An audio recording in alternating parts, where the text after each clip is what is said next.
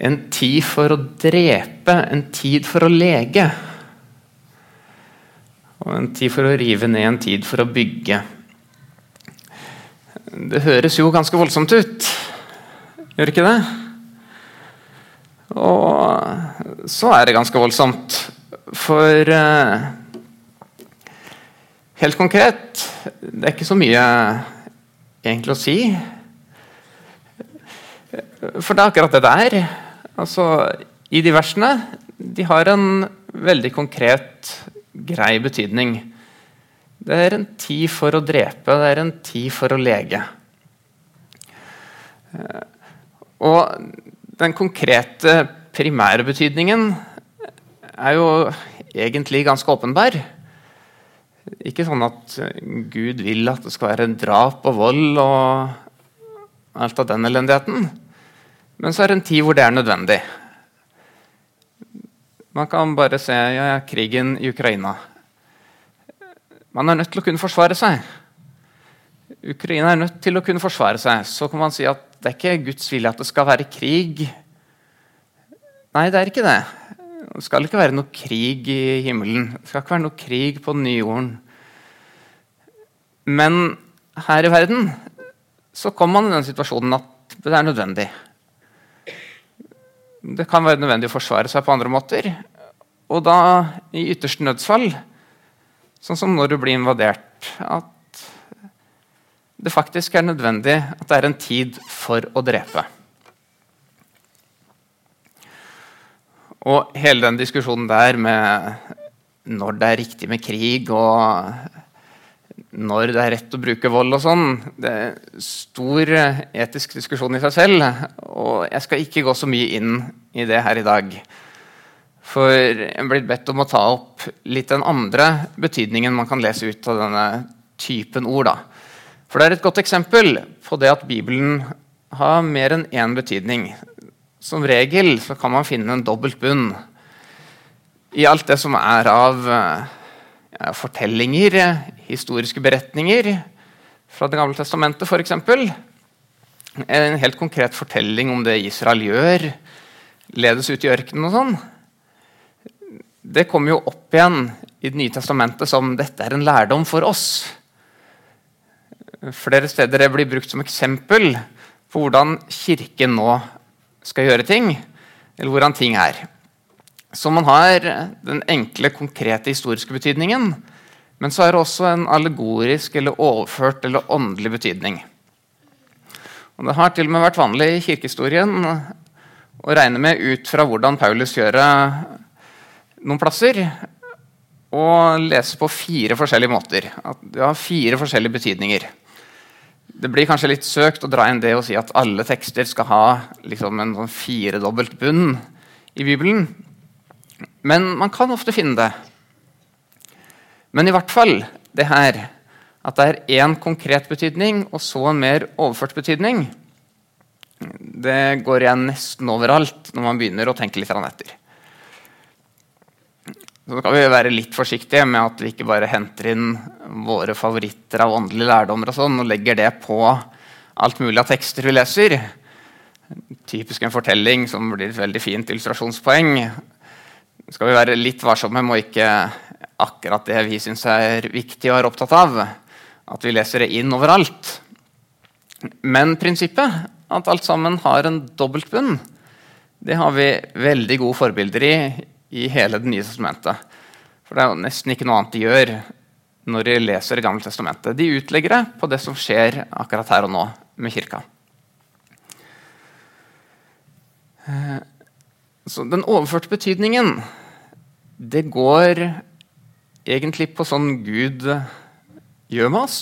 Altså, Gud gjør med sin kirke. Og kanskje også sånn at eh, sånn vi erfarer at livet i tro er. For stikkordene jeg har fått, og som er de naturlige stikkordene når man leser det på den måten, det er det gode, gamle ordparet lov og evangelium. Lov og evangelium. En tid for å drepe, en tid for å lege. Og det ordparet der det kan jo virke litt voldsomt i seg selv. Eller kanskje veldig gammeldags, eller i hvert fall veldig luthersk. For det er et typisk luthersk ordpar. Sånn, uh, innen lutherske systematikken og teologien så snakker man mye om det.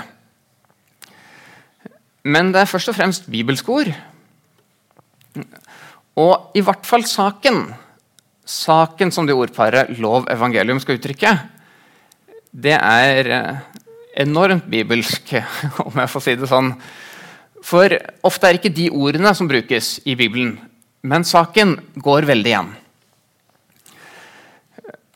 Bare et par eksempler fra Hannas lovsang i 1. Samuels bok 2.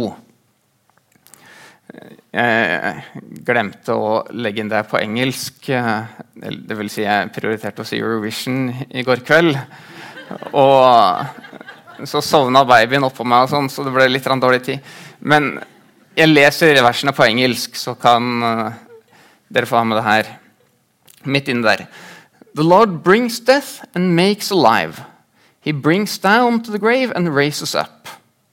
The Lord sends poverty and wealth. He humbles and he exalts.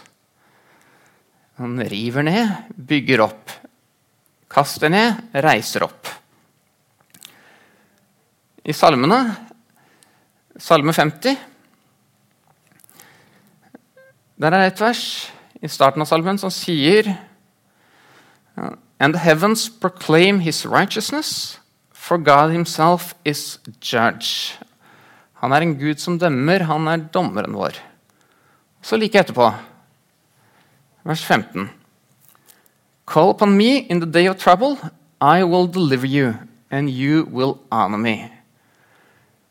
Kall på meg, jeg skal utfri deg, jeg skal frelse deg. Han er dommer, han er frelser. Eh, tenk på fortellingen om Jonah. Gud sender Jonah med budskap om dom. Men han er nådig. Hvis dere nå vender om, så skal ikke dette skje. Hvis dere ikke vender om, så skal det skje. Det er akkurat det budskapet profetene kommer med til Israel gjennom nesten alle de profetiske bøkene. Ok, Vend nå om da fra det dere driver med. Ellers så kommer det straff. Tenk på Abraham og Sodom og Gomorra. Gud setter en betingelse. Nåden er der. Hvis det bare finnes 50, 40, 30, 10 rettferdige i Sodoma eller Gomorra, så skal jeg spare byen. Så fins det ikke det, da så blir straffen gjennomført. Men straff, nåde, det går hånd i hånd. Og Hvis man begynner å lese og lete litt, så vil man finne den der dobbeltheten eller sånne par som går igjen nesten overalt. Det er dom og nåde. Det er straff eller oppreisning. Det er forkastelse eller frelse. Gud støter ut og tar imot. At han kommer med lover og bud. At han har ordninger for tilgivelse. Det er synd, og det er ordninger for å gjøre opp den synden. Det er offer. Det er trelldom, slaveri. Det er frihet. Det er trusler, trusler om straff, og det er løfter løfter om frelse. Og så er det død og liv. Det er veldig mange sånne par som går igjen. Og alle de parene, så å si, ordpar som går på motsetninger der, det uttrykker akkurat det som ordparet lov og evangelium forsøker å si. Og på oss, da, så er det sånn Guds ord fungerer. Uansett om man bruker de ordene eller ikke. Uansett om man følger et sånt skjema eller ikke. Altså Alle kjenner jo det der standardformatet på andakt og standardskjema. ikke sant? Du har ikke holdt Guds bud. Du holder ikke i hans åsyn. Du er ikke god nok i deg selv. Du kan ikke gi deg selv evig liv. Du har synd, du har syndet. Du mangler Guds rettferdighet og derfor står du under Guds dom. Men Jesus har tatt på seg den straffen. Han tilgir. Han gir liv. Han blir straffet istedenfor deg. Det formatet der, det er jo Vi har en god læremester i Paulus. Det er sånn han eh, legger opp hele romerbrevet, egentlig. Der han presenterer hele budskapet sitt og hele systematikken, nærmest. Det er akkurat sånn han legger det opp. Så at vi også legger opp andakter på den måten, helt flott. Der ser man det. Der har man loven, og så har man evangeliet.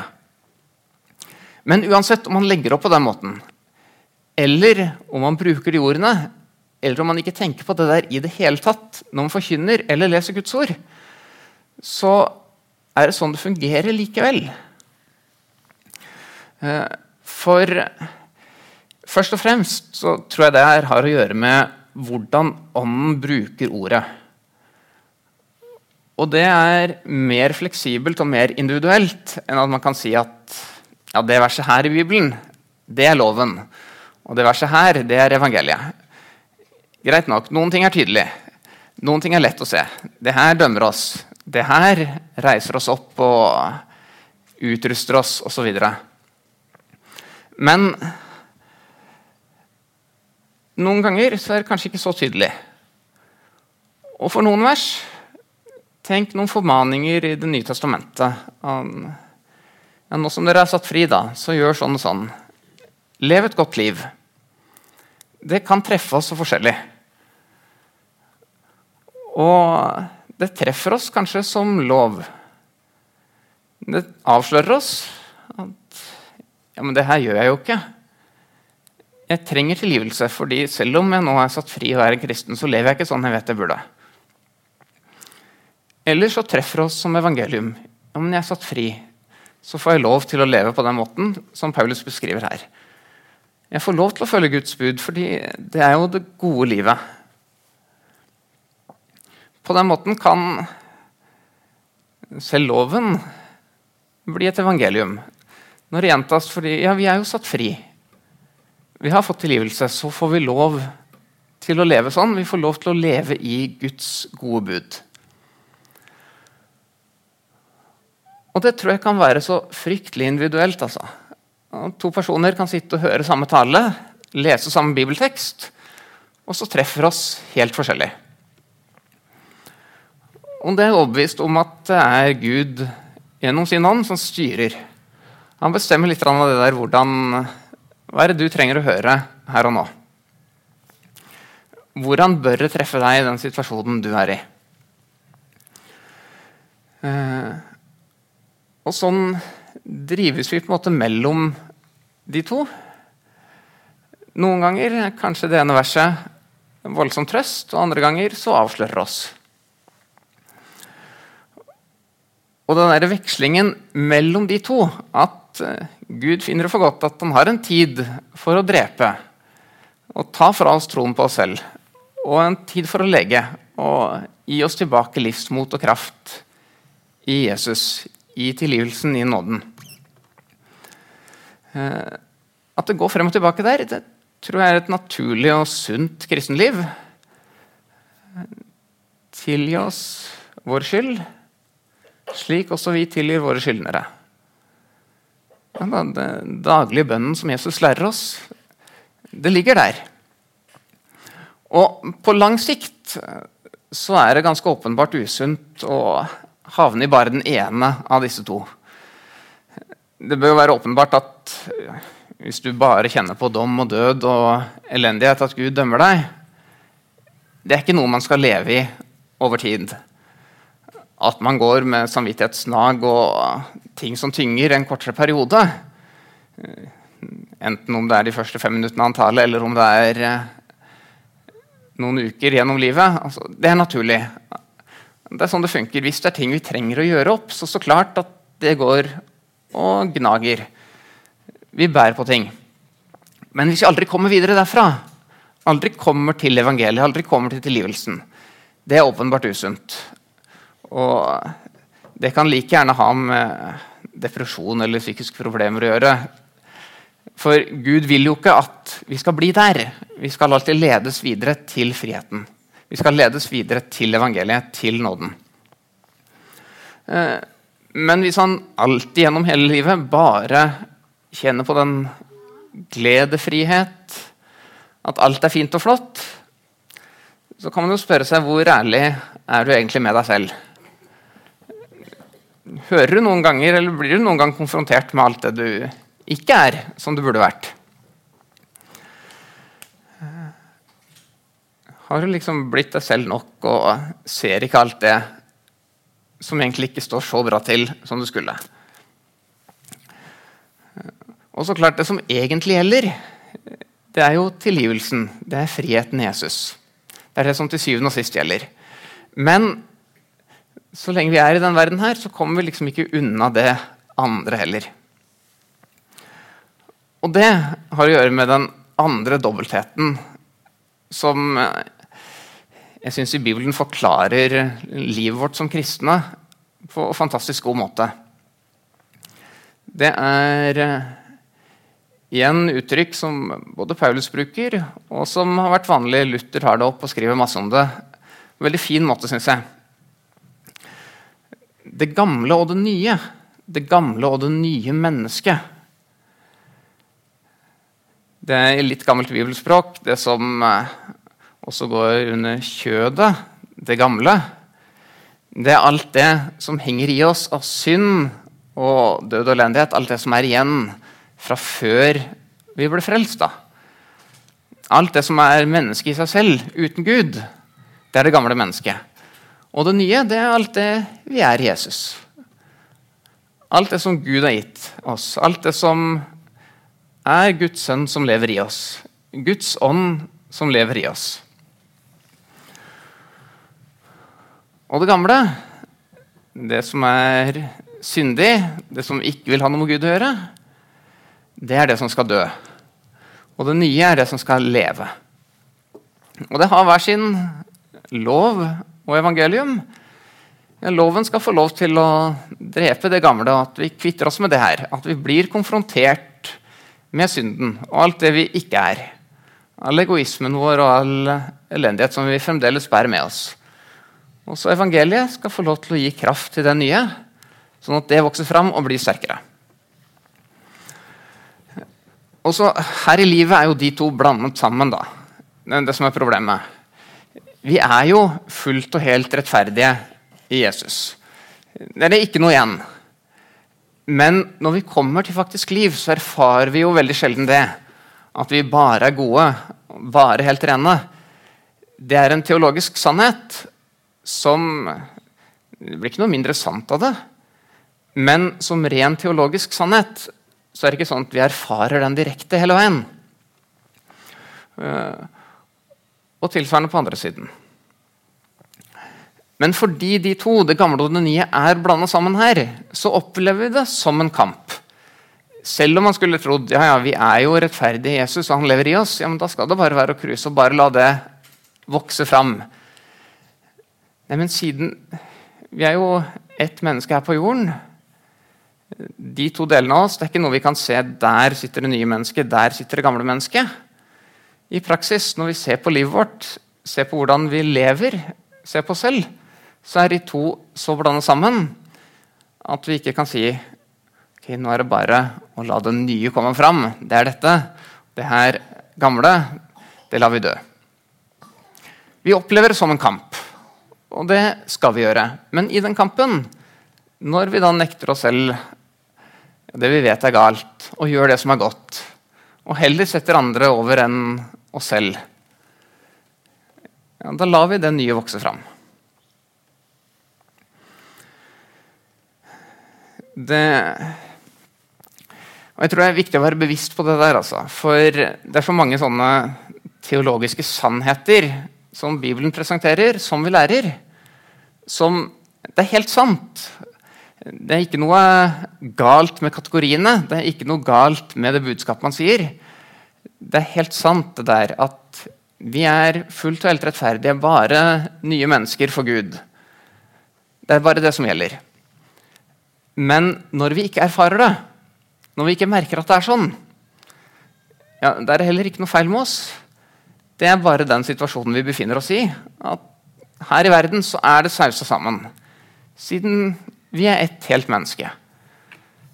Det er ikke sånn at kroppen er det gamle mennesket, og ånden eller sjelen inni her er det nye mennesket. Begge deler like mye gammelt, like mye nytt. Eh, og der finner du også grunnen til den siste dobbeltheten som det her henger sammen med. På veldig mange måter så har vi kristne sånn dobbeltliv. ikke sant? Fordi det er noe som er gammelt, noe som er nytt. Så er det noe som er allerede nå, og noe som ennå ikke gjelder. Og allerede nå er vi rettferdige for Gud. Allerede nå så lever Gud i oss. Men ennå ikke fullt og helt. Vi er allerede rettferdige, men vi er ennå syndige. Og Der finner du også nøkkelen til at eh, vi ikke bare blir dratt rett opp til himmelen nærmest når vi blir kristne.